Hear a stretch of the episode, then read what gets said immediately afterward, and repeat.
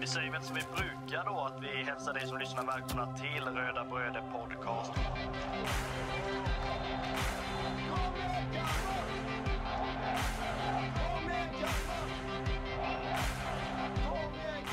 Vi är ju tre bröder som eh, driver en podcast som heter Röda Bröder Podcast. Eh, det är jag, Kristoffer Karlström, och det är min lillebror Marcus och min andra lillebror Andreas.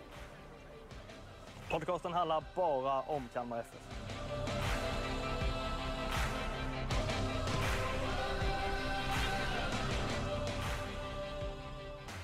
Jajamän, visst är det så. Marcus och Kristoffer är vid mikrofonerna denna tisdag kväll. Dagen efter eh, Kalmar FFs årsmöte framförallt, men också samma dag då vi fick en ja, smäll i ansiktet kan man ju säga vid eh, lunchtid någon gång när det pratas om att eh, ja, men Kalmar FFs hemmaarena är inte spelduglig pratar man om och då sätter man ju kaffet i halsen typ direkt när man tänker har vi byggt en så grymt bra, och fin arena på alla sätt och vis och så är den inte spelduglig. Vad handlar detta om? Sen blev man ju lite lugnare när man fick veta vad det egentligen handlade om, Kristoffer. Ja, alltså det var inte så att arenan är helt felbyggd och det är katastrof sådär, utan det är ju, det är ju att det är belysningen som, som inte håller de kraven som, som Uefa har, eh, har satt upp. Och jag tror, om jag alltså missminner mig rätt här nu, så är det ju att, att eh, det är en uppdaterad kravlista sedan ja, några år tillbaka som, som eh, man inte lever upp till just nu då. Ja, man kan ju prata om att det är ett återkommande problem li, lite sådär. Nu kanske det inte bara handlar om Kalmar FF i så fall, men just det här gastens belysning har man ju sagt inte har varit bra. Man har inte sett från mål till mål och så vidare och, och allt det där och, och så vidare. Sen är, är det väl också så här att visst, belysningen på Guldfågeln har väl inte varit superbra alla dagar i veckan, men sen är det ju så att spelar man i Sverige kan man spela under vissa förutsättningar, spelar man i Europa så är det andra förutsättningar. Det är väl, det är väl eh, så det liksom ser ut. Sen kan ju folk ha, ha åsikter. Ja men okej, ska Uefa acceptera att det är konstgräs på, eh, i sina turneringar men inte acceptera kanske lite, ja, sämre ljus liksom. Det, det är ju en helt annan diskussion. Men det, det, jag, det jag liksom ändå på något sätt kan kan liksom ställa mig in vid, det är ju då att, men precis som du säger, det handlar om att belysningen inte håller. Det pratar också om, pratas också om att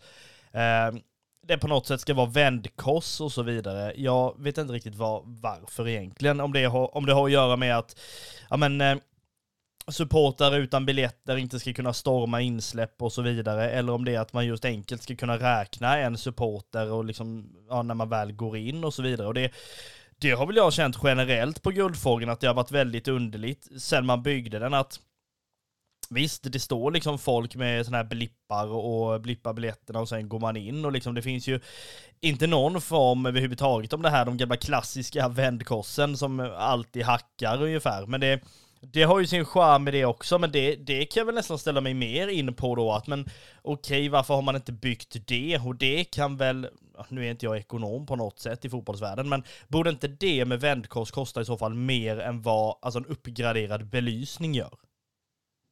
Ja, alltså inte en blekaste aning alltså, om du frågar mig, men, men sen är det ju, alltså det största problemet i det här är ju att kommunen, de får ju enormt mycket skit just nu. Eh, och det är ju på grund av att eh, man har vetat om det här sedan i november. Att Kalmar FF eventuellt ska eh, alltså spela Europaspelsmatcher. Och Rosenlund har varit på dem sedan i november. Men det har inte hänt någonting. Nu står vi här två, ve två veckor innan en eventuell Europamatch eller alltså eventuell deadline ska jag säga. Vi spelar ju inte Europa i, i mars månad, men, men en deadline 31 mars så måste det här vara åtgärdat. Alla de här kraven som Uefa och eh, ja, Svenska fotbollsförbundet har, har, eh, har på sin lista helt enkelt. Och det, det måste vara fixat för att annars så får vi spela på en alltså bortaplan våra hemmamatcher i Europaspelet. Om det nu blir så i alla fall att vi går till Europaspel, vilket vi hoppas. Och det vore ju en fullständig katastrof och fullständigt pinsamt att en förening som Kalmar FF med en sån toppmodern arena byggd så sent som 2011 liksom inte kan spela sina hemmamatcher i ett Europaspel på sin hemmaarena. Det är fullständig katastrof. Ja, nej, det är väl inga ord som är för stora egentligen i, i det fallet. Det är klart att ska man spela i Europa så ska man naturligtvis spela eh, på sin hemmaplan. Jag hade kunnat alltså, gå så pass långt och säga att ja, men får vi inte spela den på hemmaplan, då skiter jag fullständigt i Europaspel det här året. Det liksom spelar ingen roll. Jag ser hellre att vi inte har Europaspel 2023 än att behöva åka och låtsas som att vi har någon form av hemmamatch i Malmö, Linköping, Norrköping, var fan vi nu hamnar liksom. Det, det, alltså no, någon form av stolthet måste man ju ändå behålla och det, det är klart att, men, folk kan påstå liksom att, jaha okej, okay, Kalmar FF kan då lägga 25 miljoner på att bygga en inomhushall och inte liksom uppgraderad belysning och så vidare. Vi kommer gå in på årsmötet, hur det var igår och vilket, vilket tugg det var där och så vidare. Men just att det viktiga är ju att man håller sig till diskussionen och till sakfrågan i det här fallet, att det är just belysningen som inte är är, eh, eller håller måtten ska man ju säga. Samtidigt är det ju precis som du säger att det här med Kalmar kommun och Kalmar FF, den liksom beefen har ju funnits ett tag och dels var det ju så när Kalmar kommun tog över Guldfågeln Arena så lyckades man till stor del alltså ordna upp liksom kaoset i ekonomin, när man började liksom kunna fokusera på andra saker och ting. Därmed så har ju ändå saker och ting inte fungerat. Visst, det är klart att man fick ett enormt bakslag det är klart man fick ett enormt bakslag när liksom, ja men planen fick någon jävla svampinfektion eller vad fan det var och det var liksom ett himla liv om det och massa sånt här. Det är klart att när man sätter en arena i händerna på en kommun som har inte bara Kalmar FF att göra med, man har flera föreningar att jobba med, man har jättemycket mer ja, men, föreningsliv och näringsliv och det är vägar som ska byggas och det är en parkbänk som ska flyttas och det är beslut till höger och vänster. Det är klart att då är det ju inte så att Kalmar FF hamnar liksom i alltså i, i prioriteringslistan kanske. Jag menar det är ju, var, var ju ett himla liv när, vi, när kommunen ens skulle ta över arenan det här liksom om det verkligen skulle liksom läggas i händerna på, på kommunen och så vidare. Men alltså när det är en, en sån här situation så kan jag både se det från två håll. Jag kan dels se det från att det är klart att man man kan bli arg som supporter och känna att men herregud har man vetat det här i liksom fyra, fem månader, ta tag i det nu då och vänta inte tills ja, men vi eventuellt hamnar i en Europa ja, men situation och då ska man ta tag i det. Samtidigt så kan jag ju också känna, hur kan någon ens vara förvånad? Och det här är ju inte liksom typiskt för för Kalmar kommun. Nu har du och jag jobbat i andra kommuner och jag bor till och med i en annan kommun. Så att jag menar, det är inte så att det är typiskt för Kalmar kommun att saker och ting är tungrot överhuvudtaget. Det, det är ju liksom väldigt många beslut som ska tas, även om man liksom bara som supporter kan känna, men herregud, bara skruva i en ny lampa då så är sakerna lös lösta. Även fast det kanske tyvärr inte är så enkelt.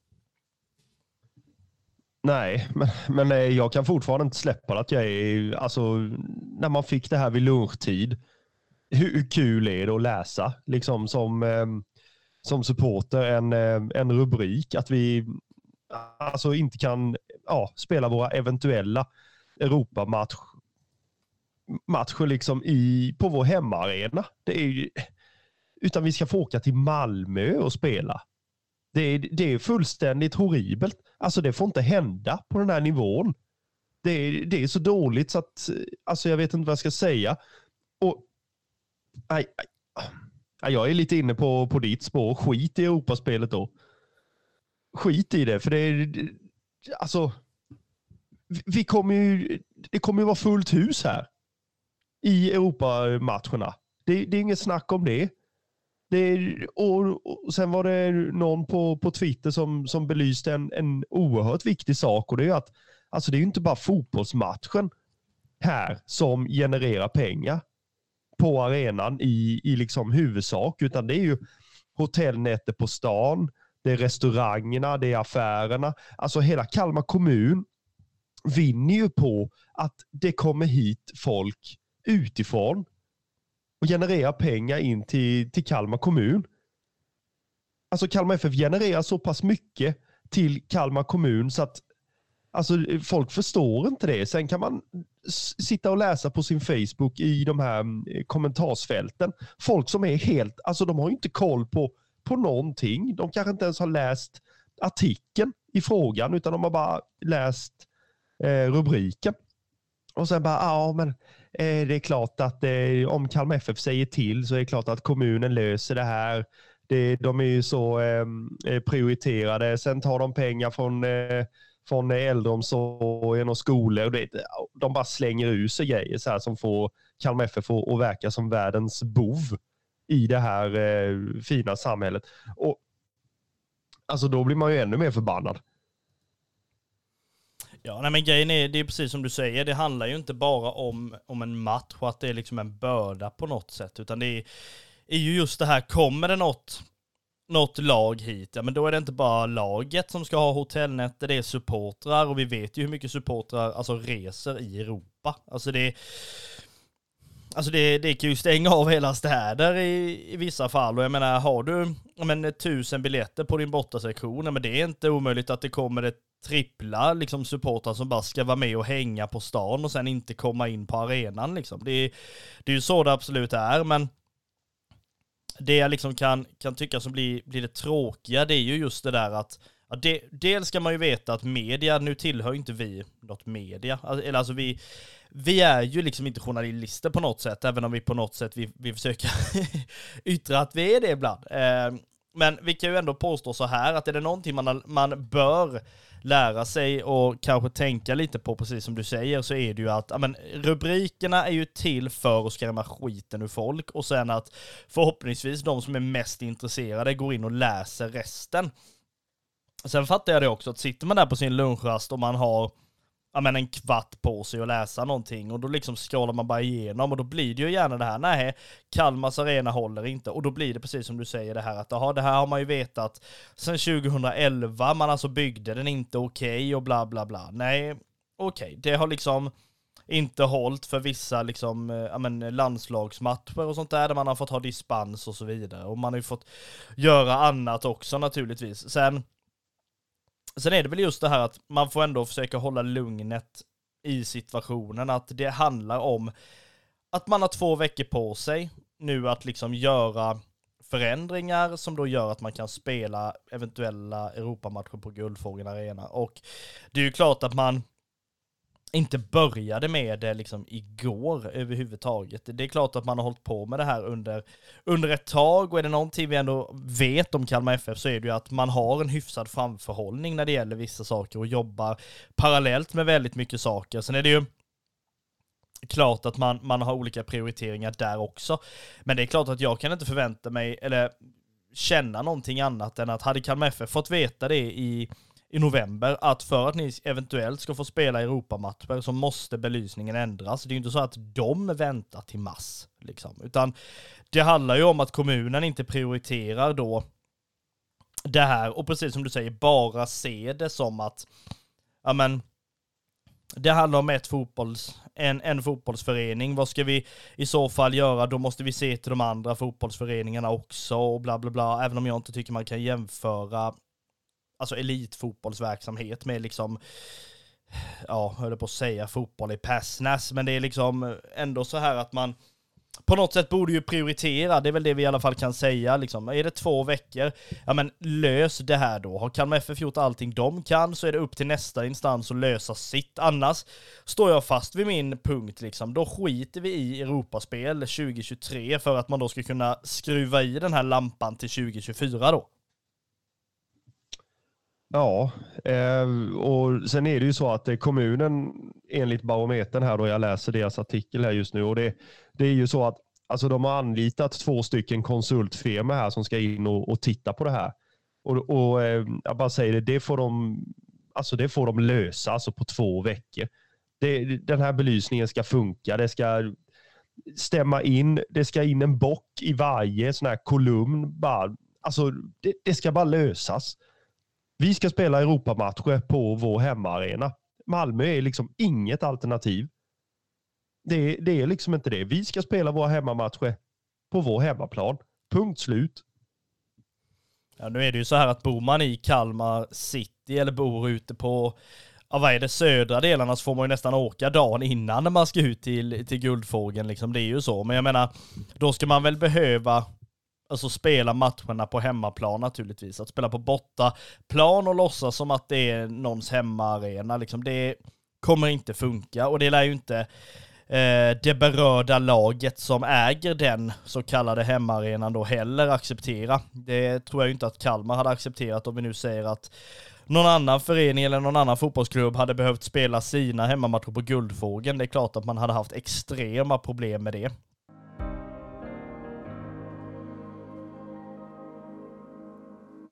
Men om vi gör så här att vi tittar lite kring eh, hur, eh, ja men det som hände under, under gårdagen då, det är ju tisdag nu då den 14 mars som vi sitter och pratar om detta.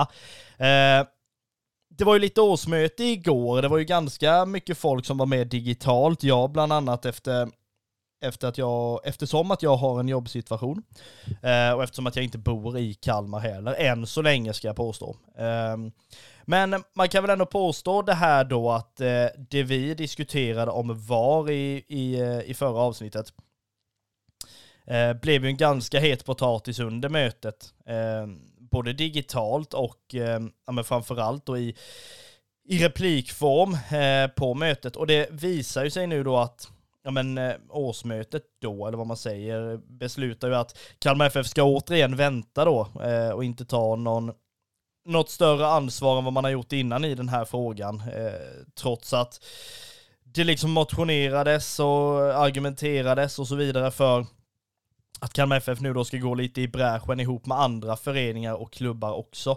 Eh, alltså det visar ju på något sätt i alla fall att det är en stor fråga som ändå ja, men engagerar. Det är klart att man vill ha så mycket rätt som det bara går. Liksom. Det, det är klart att man vill det, men samtidigt så måste jag väl ändå lyfta fram, det var ju en kille i, igår som ändå gav en fråga då att, men det, det, lite den där kompromisslösningen om jag nu ska säga så att, ja men okej, man vill inte ha VAR för det tar bort liksom, ja men känslan och det tar bort allting det här, vilket jag köper fullt ut. Sen köper jag till viss del också det här med att men man vill ju ha alla beslut rätt så mycket som det går. Men vilka beslut är då de absolut viktigaste? Ja, men det kanske inte är de här då att skulle det varit en straff där, är liksom det, alltså är det precis en offside eh, vid det här anfallet eller någonting som gör att man liksom bara känner att det är liksom tumstock millimeterprecision med allting. Men den här supporten som eh, vad heter han, Martin Lundberg heter han va, som gick in och påstod att men varför kollar man inte då på en Goal Line Technology då istället? Jag menar det är väl det som är det stora problemet. Domarna ser inte om bollen är inne för man har ingen hjälp med det och det borde ju inte vara så svårt att fixa. Nej, det är väl det i så fall som man eh, alltså, skulle kunna acceptera i så fall. Alltså jag är ju alltså, strängt emot VAR överhuvudtaget. Jag tycker, precis som du sa innan, att det, det tar bort känslan i i liksom en fotbollsmatch. Alltså släpper jag in ett mål så vill jag gärna bli förbannad. Och gör jag ett mål vill jag gärna bli glad. Jag vill inte bli både glad och sen förbannad eller förbannad och sen glad. Alltså, alltså det, det blir, man blir ju schizofren till slut. Liksom. Men, så att, och, och, då tar jag hellre en felaktig dömd straff i 89 borta mot eh, ja, alltså Elfsborg. Liksom hellre det än att man ska sitta och vänta i sju minuter och vara liksom så här, gjorde vi mål, gjorde vi inte mål? Alltså det, det tar ju bort allting. Men sen tycker jag att det är bra att det kommer upp till diskussion, att man lämnar in en motion om detta, att supportrarna visar att vi står ihop med andra lags supportrar som också har lämnat in sådana här motioner. Att supporter, vad ska jag säga, supporterskarorna i, i svensk fotboll går ihop i vissa frågor trots att man håller på olika lag och visar att vi har samma ståndpunkt i, i vissa frågor och då ja, så kan det bli mycket, mycket mer kraftfullt. Och, och det tycker jag är väldigt fint att vi har den möjligheten i, i svensk fotboll. Så att ja, det är ju positivt. Sen, sen hoppas jag givetvis att eh, man ska alltså, ta i den här frågan lite tydligare vad man kanske gör och att man vill följa utvecklingen och sådär. Som supporter så blir man ju bara, ja, lös det nu. Liksom. Det, man är ju lika jäktad i, i det fallet som i, i nästan allt. Så att alltså man har inte så mycket, så mycket tålamod i, i sånt här som, som supporter på det viset. Nej, men lite så. Um, sen är det väl också så här, jag menar någonting, alltså man ser ju på ett årsmöte på olika sätt. Vissa tänker ju att jag har betalat mina 400 spänn, då ska jag fan mig vara här och bestämma någonting och tycka någonting. Och det är fullt rätt att göra det. Sen är det väl också så här då, det blev ju väldigt diskussion igår då, vilket jag absolut inte har några problem att välja sida kring det här med att, ja men det behövs inte fler än liksom, alltså du kan vara själv. Spelar ingen roll om, vad hade Kalmar nu då, 1600 medlemmar någonting. Jag menar du kan vara själv och komma med en idé och sen då om årsmö- majoritet av årsmötet tycker det är okej, ja men då blir det ju så.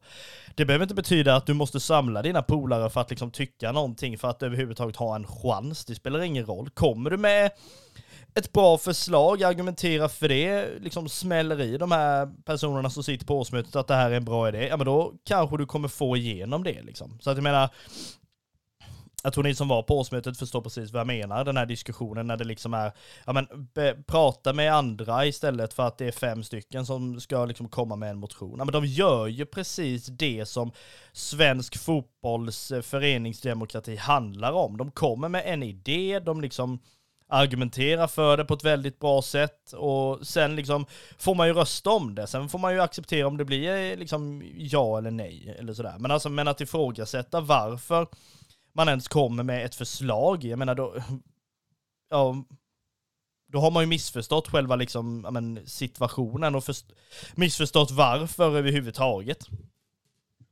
Ja, men alltså, alltså jag var ju inte på årsmötet eller, eller såg det heller. Jag hade, jag hade liksom träning då eh, med mitt lag. så att det, det, blev inte så att jag följde årsmötet, så det, det, är bra att en av oss har gjort det. Men spontant så kan jag ju säga att alltså ska du gå dit och ha liksom hundra man i ryggen på ditt förslag redan innan mötet. Alltså då, det är, det är ju helt, det spelar liksom ingen roll. Alltså då, du kan inte gå in i ett möte när du redan har vunnit. Alltså förstår du vad jag menar? Det blir lite onödigt. Alltså går du in med ett förslag och är själv och du tror så mycket på den idén och du tror att det är bäst för Kalmar FF och i detta fallet svensk fotboll och inte ha VAR till exempel. Och, och ni är fem stycken som tycker det här och tror att det är en viktig punkt för Kalmar FF. Ja, men presentera det då utan att bli alltså, ifrågasatt av det. Alltså det är ju sådana diskussioner man ska ta på ett årsmöte. Ta sig tid till att ta diskussionen där och då. Och på det viset få folk att tycka att det är bra. Alltså du, ska inte, du behöver inte hålla på i ett halvår i, i, liksom, i tidsmässigt och, och hålla på med det här innan du presenterar det. Så nej, jag håller helt med dig. Ja, det är ju inte mycket svårare eh, än så egentligen. Sen är det väl också så här, precis som vi pratade om, att det är fler föreningar som har haft uppe för diskussion det här med den här 30 mils eh, eh, regeln då, eh, eller vad man nu säger. Sen är det ju klart att ja, men har alla föreningar en, en, liksom, eh, en bortamatch inom 30 mil, eh, och det har man ju nu eftersom att allsven hela Sveriges allsvenska slutar i Uppsala. Eh, så det, det finns ju liksom möjlighet till det. Eh, och sådär. Så generellt eh, sett så tycker jag väl ändå liksom att men, eh, de som var på årsmötet och skötte det, eh, skötte det, måste jag ändå säga. Eh, Sen är ju inte allting superintressant hela tiden. Men någonting annat som är väldigt intressant, om vi nu ska gå över på någonting eh, lite mer glädjande, eftersom att vi har ja, men haft ganska så negativ ton här i inledningen av avsnittet, så eh, hoppar vi väl in i, på lite positiva saker innan vi ja, går ner på negativt igen i och med Mjällby-matchen då.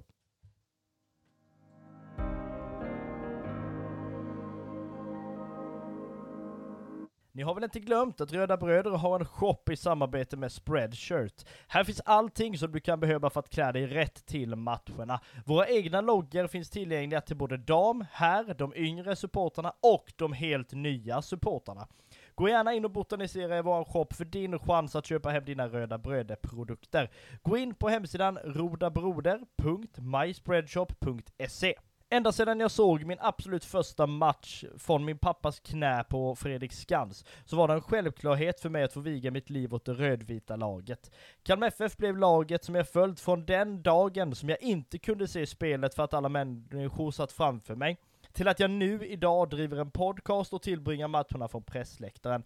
Historien om en supporterresa heter Från pappas knä till pressläktaren och finns tillgänglig där du köper dina böcker, både på Bokus, Adlibris, i Kalmar FFs shop, men även hos mig personligen, där du alltid får det förmånligaste priset. Till och med premiärmatchen mot Malmö FF så finns boken Från pappas knä till pressläktaren tillgänglig för det förmånliga priset 100 kronor.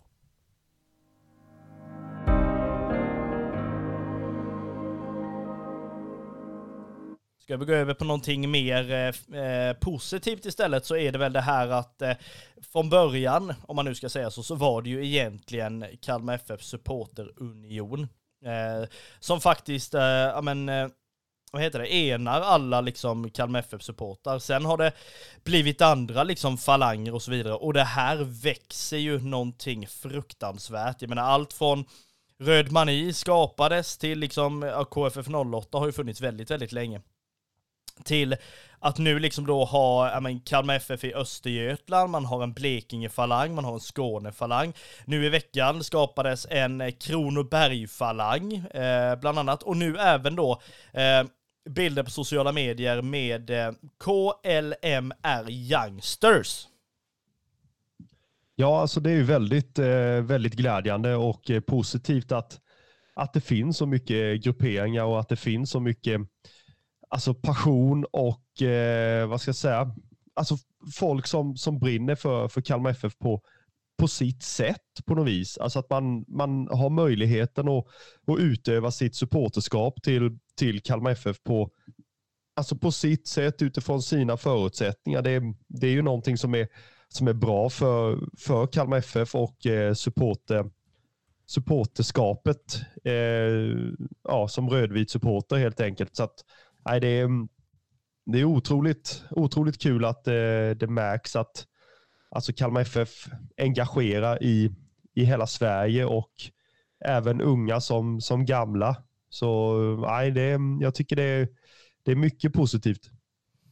Ja, och ni som eh, har en fundering på att eventuellt eh, alltså skapa en falang eller någonting, eller samla ihop ett kompisgäng och göra en, en hängflagga ihop eller vad som helst, liksom se till att det blir verklighet. Det är dags nu att man visar att Kalmar FF inte bara finns i Kalmar, utan att det faktiskt är ett, ett lag som finns i mer eller mindre hela vårt avlånga land. Det ser vi ju inte bara när när det liksom kanske är två bussar fulla från Kalmar, fast det liksom ändå är betydligt många fler på plats på bortasektionen. Det visar ju att det ändå alltså, finns många fler supportrar än vad man kanske tror till, eh, till Kalmar FF.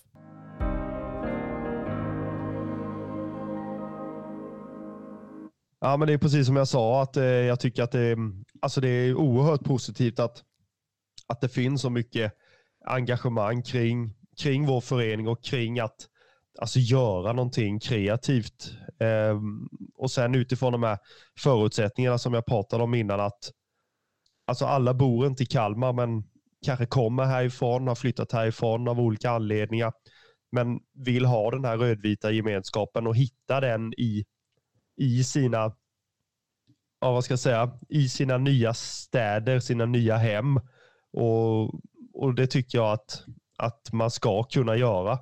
Det är ju som, eh, som du som bor i Växjö som är, är engagerad i den här nya då, Kronobergsfalangen. Eh, sen har vi de här som bor nere i Skåne, Östergötland, Stockholm, eh, Blekinge.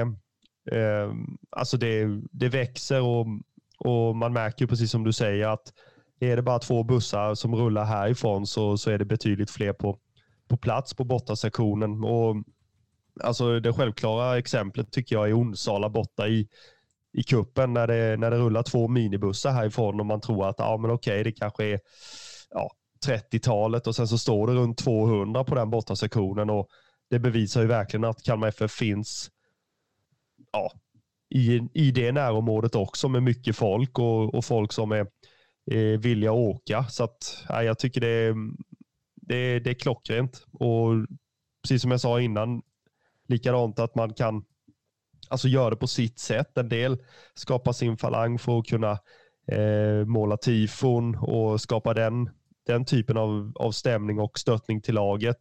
En del gör det utifrån de platserna man bor på för att kunna göra det mycket lättare med, med samåkning, med lite gemenskap och, och sådär. Så att, nej, det, det är klockrent.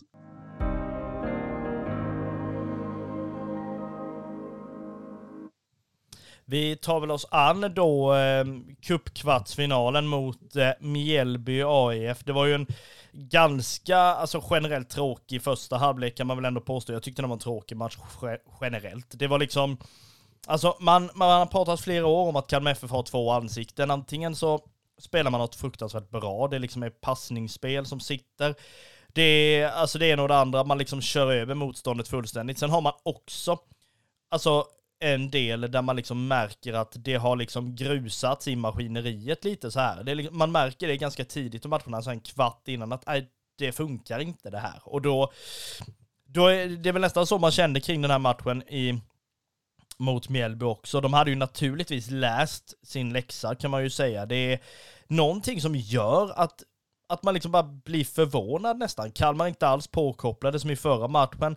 Det beror inte på att det är jämnt under matchen. Det är slarvigt, det är okoncentrerat. Jag menar, alltså det finns ju vissa situationer där man, jag tror jag räknade till fem, sex passningar som bara ja, passas till Molgan, inte vet jag, någon helt annanstans där det liksom inte finns någon.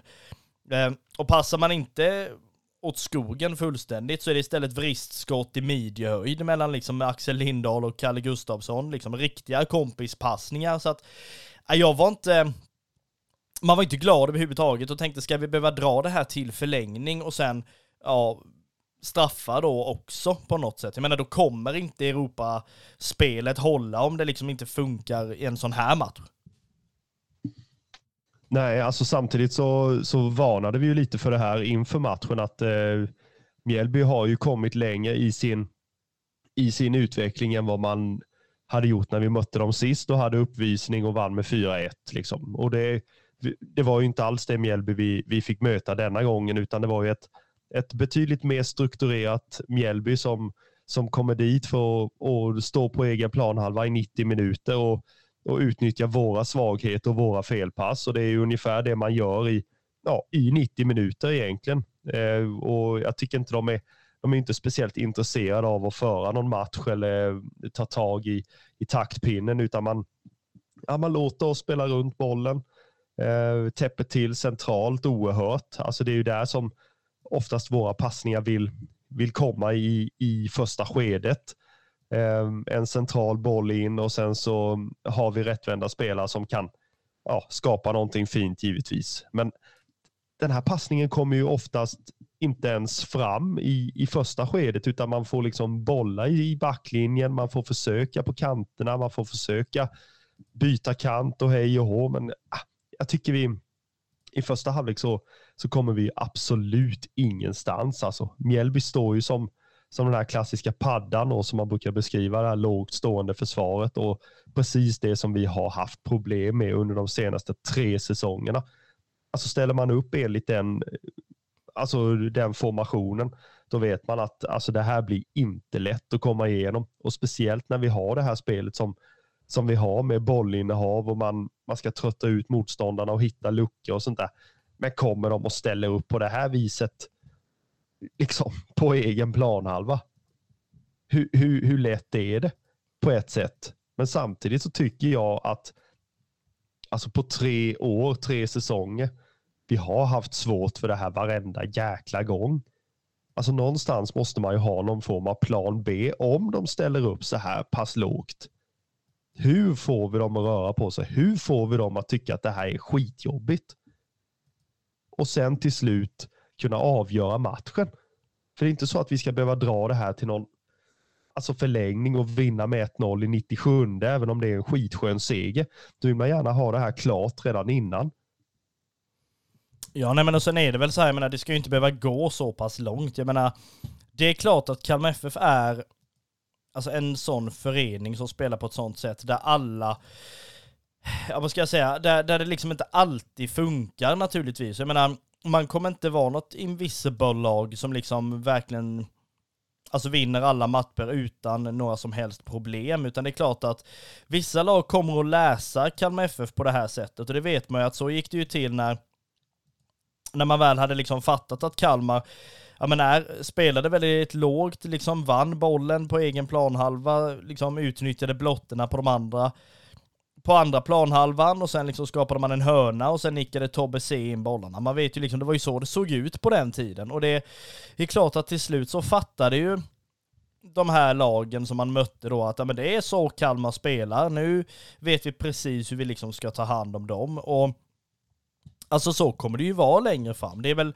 det som är det här med att man absolut aldrig får vara nöjd med någonting. Man får aldrig vara, vara nöjd med att vi liksom ja, vad ska jag säga, man får aldrig vara nöjd på något sätt med att vi liksom, ja men nu har vi hittat ett sätt som är gött att spela på, det här är inga större problem. Nej men det kommer ju vara det, liksom med tanke på att um, i, i takt med att Kalmar FF blir liksom bättre så kommer ju de andra lagen också bli bättre och till slut fatta det. Men det är ju därför Malmö nu inte vann guld förra året om vi nu ska prata om dem, för att folk till slut har läst sönder deras sätt att spela.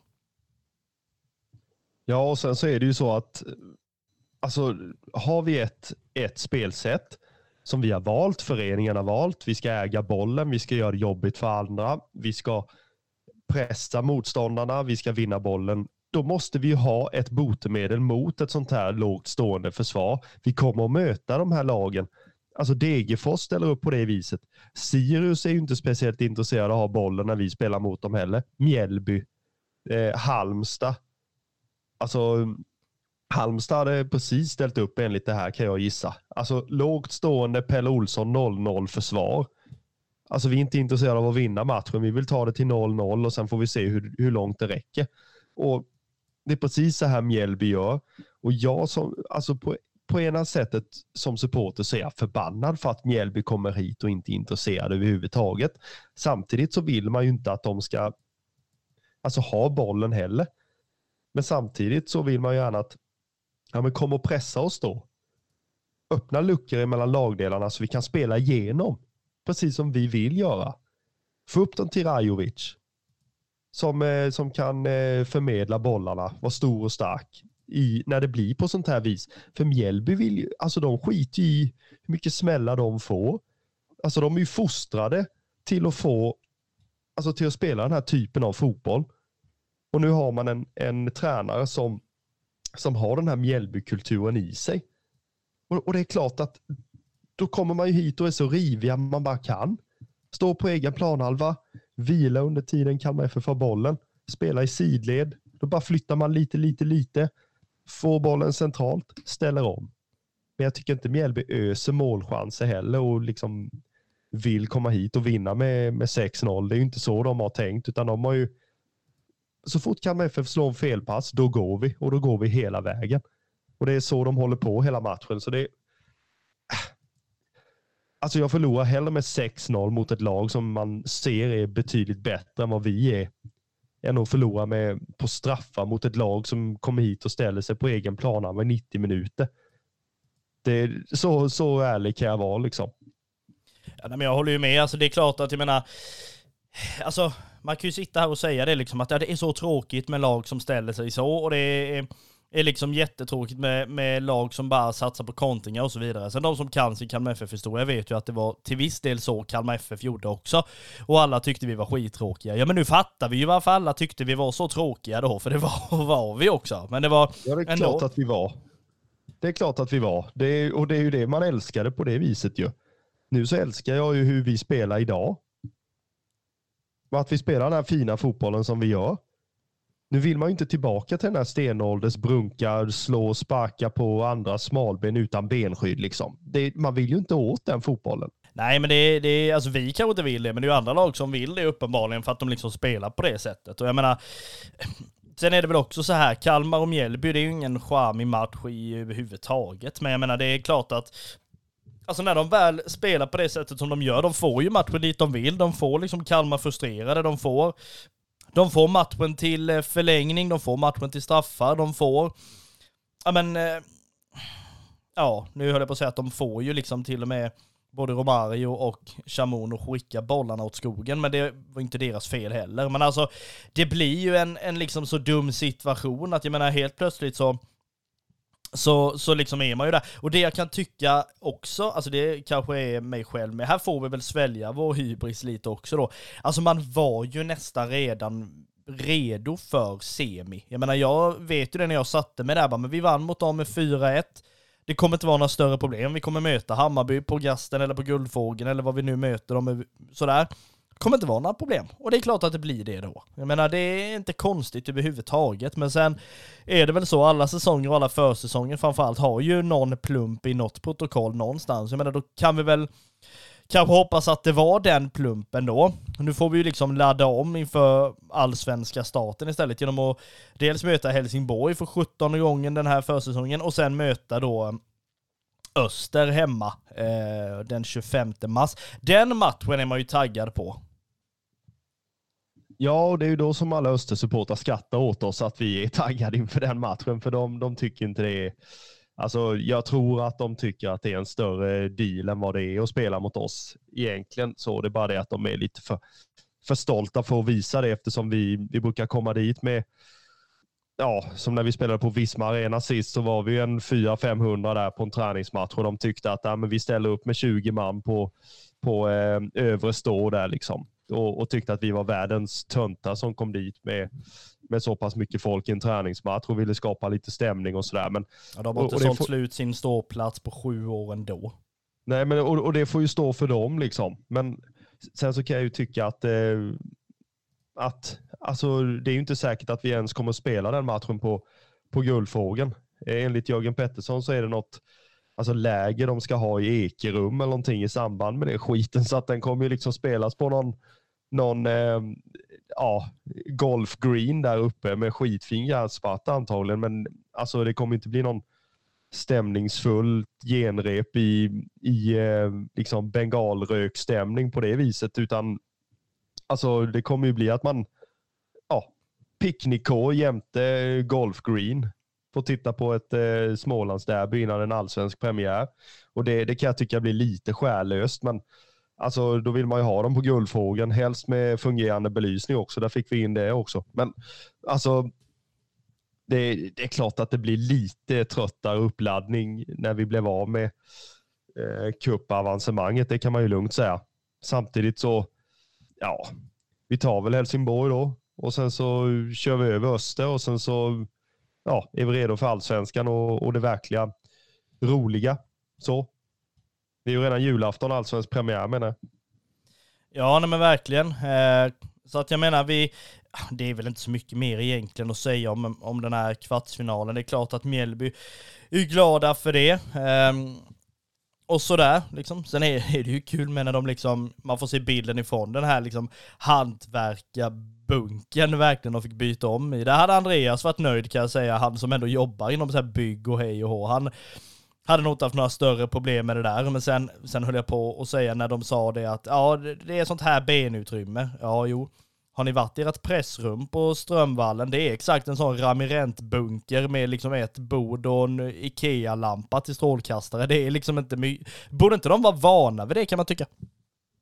Jo, det kan man ju tycka. Sen så, alltså egentligen skulle jag vilja att de besöker sin egen bortastå också. Det, det hade ju varit trevligt och så får de se hur mycket man ser av, av en sån match. Inte, inte på det viset att man vill minnas de matcherna vi har spelat på Strandvallen de senaste åren. Det, det kan man inte påstå. Um, det var väl någon, någon 1-1 match där det var två självmål och sen så låg vi under med 3-0 efter en, efter en kvart var året innan. Och man tittar genom ett galler och två nät. Och det, jag menar, det, det är inte jätte, jättekul att stå på den borta stå sektionen där. Eh, så den, den borde de ju kunna testa också och, och, och stå på. Här på Guldfågeln får de ju en, en botta stå i högsta klass. Liksom. Det har de ju inte, har de inte ens tillgång som hemmasektion på, på Strandvallen så att jag vet inte om de ska säga så mycket. Samtidigt så kan jag erkänna att Mjällby är ju briljanta på sociala medier och, och briljanta och liksom sprida sitt, ja, sprida sitt gospel och helt enkelt. Eh, sen är det ju så att alltså, vissa kanske inte fattar att det var ett skämt heller. Eh, med tanke på att det Alltså det var ju dispens så ut i fingerspetsen att man sätter två stycken byggbunker, eh, eh, eh, vad ska jag säga, byggbodar helt enkelt. Där som, som omklädningsrum bara för att det skulle finnas på det avståndet till gasten. Bara för att man skulle få spela matchen där överhuvudtaget. Så nej, men det är, Mjällby är lite charmiga i alla fall. Och det, mm, alltså jag, jag menar inte att ta ifrån Mjällby sin, eh, sin insats. Det är klart att de vinner matchen på det sättet de, de har tänkt att göra och de förutsättningar och det spelet de har valt att spela. Så att, alltså all heder till dem, men, men som rödvit så hade man önskat ett helt annat, en helt annan utgång i, i matchen. Ja, men det hade man ju verkligen. Eh, och det, det man ändå kan, kan prata lite om då, det är ju just det här att Alltså visst, vi pratade om att Milita Rajovic på något sätt hade liksom bevisat för experterna inför den här matchen att men han håller en väldigt bra allsvensk klass. Nu är det ju också så att Alltså han måste ju också bli bättre naturligtvis, precis som resten av laget. Jag menar det går inte bara att tro att man ska skicka upp en boll på honom. Alltså när, när han liksom är osynlig under hela matchen mer eller mindre. Det är ju liksom, det är ju det, det, är ju det här, det här är ju en viktig liksom läxa också då att, ja men, då måste vi på något sätt bli bättre så att vi kan slå sådana här lag också naturligtvis. Eh, och inte bara liksom ladda upp och pumpa upp oss något extremt inför matcherna mot storlagen liksom, utan också de här lagen som är lite mindre, som är lite tråkigare att möta, att då liksom försöka att ja, men, hitta någon motivation där och inte bara tro att, ja, men, att vi kommer gå segrande där ur bara på ren rutin. Nej, samtidigt så är det ju, alltså man vill ju ha ett spel och ett spelsystem som, som bräcker alla lag och alla system egentligen. Det är ju så det är, men samtidigt så kanske man måste skruva lite på sin idé att eh, vi kanske inte kan spela tiki-taka genom mitt, eh, mitt plan när det står fem stycken gulsvarta och, och eh, kapa hälsenorna på Kalle Gustafsson så fort han ens tar ett steg i sidled. Liksom. Alltså det var ju på det viset det var. Han, så fort han ens hade en tillstymmelse till att ta emot bollen så hade han tre stycken centrala mittfältare liksom i, ja, i byxfickorna på något vis. Och, och det är klart att alltså, då måste kanske man ändra lite i det systemet. Alltså, sen är inte jag expert att man ska börja skicka massa långbollar på, på Mileta och, och att han ska agera någon David Elm där. Liksom. Det, är inte, det är inte det jag menar, men alltså på något sätt måste det gå mycket, mycket fortare när man möter sånt här lågt stående försvar som vägrar flytta på sig. Då måste vi få dem att flytta på sig. Ja, det är ju inte mycket svårare än så egentligen, eh, säger vi som om det vore den enklaste saken i världen. Eh, vilket det absolut inte är. Någonting som däremot är väldigt enkelt, det är ju att boka in sig till eh, premiärmatchen borta mot Malmö FF. Det är ju också en, eh, Ja, i klass med en eh, semesterresa i, i det priset kan man ju säga. Alltså det, jag kan ändå fatta, visst, folk som har problem med liksom att det är dyrt och hej och hå och gå på fotboll, men alltså att det är sån skillnad när man går på fotboll i allsvenskan är ju något otroligt. Jag menar, vet, vet du vad deras bortabiljetter kostar eller? Ja, jag var ju inne där och tittade för att det var ju lite liv om det på, på sociala medier och det var väl så här 220 spänn va? Ja, det stämmer. Och jag menar, då kan man ju säga att smålänningar är snåla. Ja, inte när vi nästan har fyllt fyra bussar som ska till den här bortastående. Jag menar, nu fattar man ju i så fall vad alla liksom pengar, pengar kommer, kommer ifrån till Malmö. Jag kan säga så här, bara en liten rolig parentes i detta, hur dyrt det faktiskt är. Jag menar, det är 220 spänn. Jag var i helgen uppe i Stockholm på en, på en konsert i Globen. Eh, och där kostade en vad var det, en öl och en popcorn. Om jag tror jag betalade 120 spänn eller någonting. Vilket jag kan tycka är sådär, okej då kan man tänka, ja ja absolut, mm. men när vi har en Loka som kostar 45 kronor. Då är 220 spänn för en bortastå rätt maffigt. Och jag menar det är ju inte så att man går dit och bara ställer sig på bortastån för 220 spänn. Det är liksom dricka, det är godis, det är kov, det är all möjlig skit man ska ha också. Så det är ju inte, det är ju inte så att man bara står där. Sen är ju de dyra generellt. Alltså vi borde egentligen Kan någon vara snäll och knåpa ihop en sån här lista med biljettpriser över hela allsvenskan så hade jag varit överlycklig kan jag säga med tanke på att det är sån skillnad. Jag menar, folk som tycker att Kalmar FF har dyra sittplatser mitt på långsidan, liksom rejäla VIP-platser mer eller mindre för 200, vad det nu har kostat, 70 spänn. Ja, jo, men när Malmö drar 550 för sina platser, det är ju kul, man betalar ju gärna 550 spänn för att se Malmö-Varberg liksom. Ja, men sen så är det ju, jag var inne och tittade deras hemmastå också och det är precis samma 220 pris där. Snacka att, om att ge sina egna supportrar smäll i huvudet. ja, sen, sen, är det ju så, alltså det är ju, du kan ju gå in på vilket, vilket storlag som helst så, så är det ju ungefär de priserna. Och, eh, så jag tycker väl att vi ska vara ganska, ganska nöjda med, med priserna i, i, eh, i Kalmar FF och, och på guldfrågan. Så eh, nej, det blir...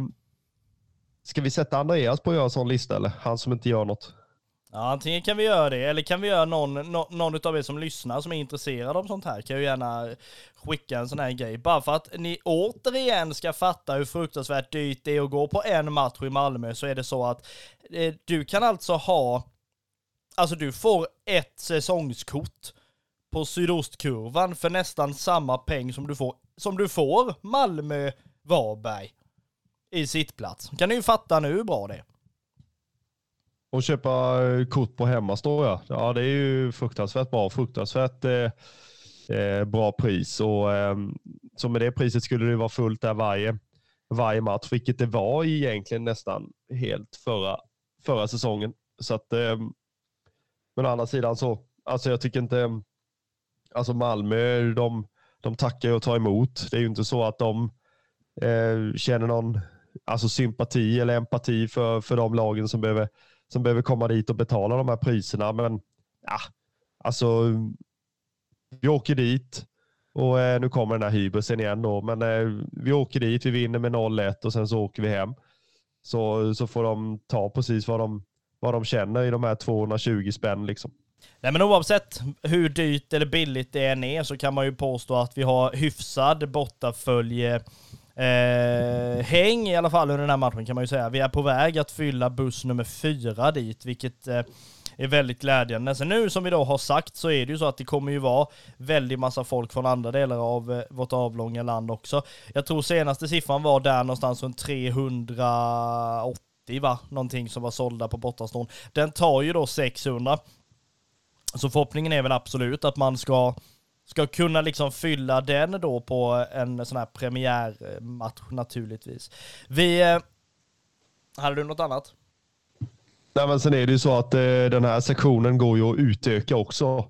Eh, SLO Måns Linge var ju ute och, och sa det att det gäller att, att, köpa biljetterna i tid så att vi kan fylla de här 600 första platserna vi har fått. Så att Malmö får den informationen eh, och kan utöka sektionen med både alltså storleksmässigt, men samtidigt med personal och allting för att täcka allt. Så, så att, eh, det, det är ju bara att gå in och, och, och köpa sin biljett och, och visa att eh, man är beredd att, att stötta Kalmar FF från, från ståplatsen. Eh, för, för vår, från vår sida ska jag säga så, så får vi se om vi kommer befinna oss där eller om vi kommer befinna oss på eh, någon eh, annan sektion på den arenan. Ja, nej, men eh, lite så är det ju faktiskt. Eh, vi kan väl sammanfatta det så pass i alla fall att man möter ju då Helsingborg nu eh, i eh, nästa match istället för en cupsemi. Den här matchen spelas ju då på bortaplan. Eh, Först och främst, sen är det ju då den här matchen mot eh, Öster som spelas då den 25 mars då som en form av genrep. Ehm, inför då matchen emot Malmö naturligtvis. Och nu är det ju så att det är ju inte lång tid kvar. Jag menar det är två och en halv vecka innan vi får stå där återigen och samlas, inte bara på Guldfågeln utan på alla de andra allsvenska arenorna runt om, runt om i Sverige. Det är någonting man har man har sett fram emot egentligen sen i slutet av november. Man har ju no, typ två veckor där man känner nu kan vi skita i det här en stund, men när de här två veckorna har gått då är det ju en lång väntan. Ja men det är det och det är precis som jag sa innan att eh, den allsvenska premiären är ju är ju julafton och i, ibland så är det mycket bättre än julafton också, speciellt om man vinner matchen. Men, men allt vad det innebär med förväntningar, alla lag kan, kan tro sig vinna SM-guldet innan första omgången är, är spelad. Och det är ju det, är ju det som är, är charmen i, i svensk fotboll och i allsvenskan. Och att alltså alla lagen är, är på något sätt en del av det fina som eh, vi har i Sverige, jo allsvenskan. Så det, den allsvenska premiären och, och den dagen är ju alltså fylld av förväntan och den, den känslan vill man ju gärna ha i ja, väldigt länge. Ja, nej, det vill man verkligen. Vi eh, gör väl som så här att vi tackar er som har lyssnat på Röda Bröder Podcast under denna veckan. Sprid oss gärna på sociala medier till både dina vänner och dina ovänner och till din släkt. Jag vet att eh, faktiskt är så att det har börjat komma nya lyssnare som till och med är i de yngre åldrarna eh, på grund av att både du och jag jobbar på skolor framförallt. Eh, där, därav kanske vi får försöka tänka på språket numera. Eh, vilket man kanske inte alltid gör när man går upp i, i affekt. Eh, eller sådär. Men vi tackar alla er som har lyssnat. Marcus och Kristoffer är Röda Bröder Podcast och Röda Bröder Podcast, vi är Kalmar FF Supporterpodd.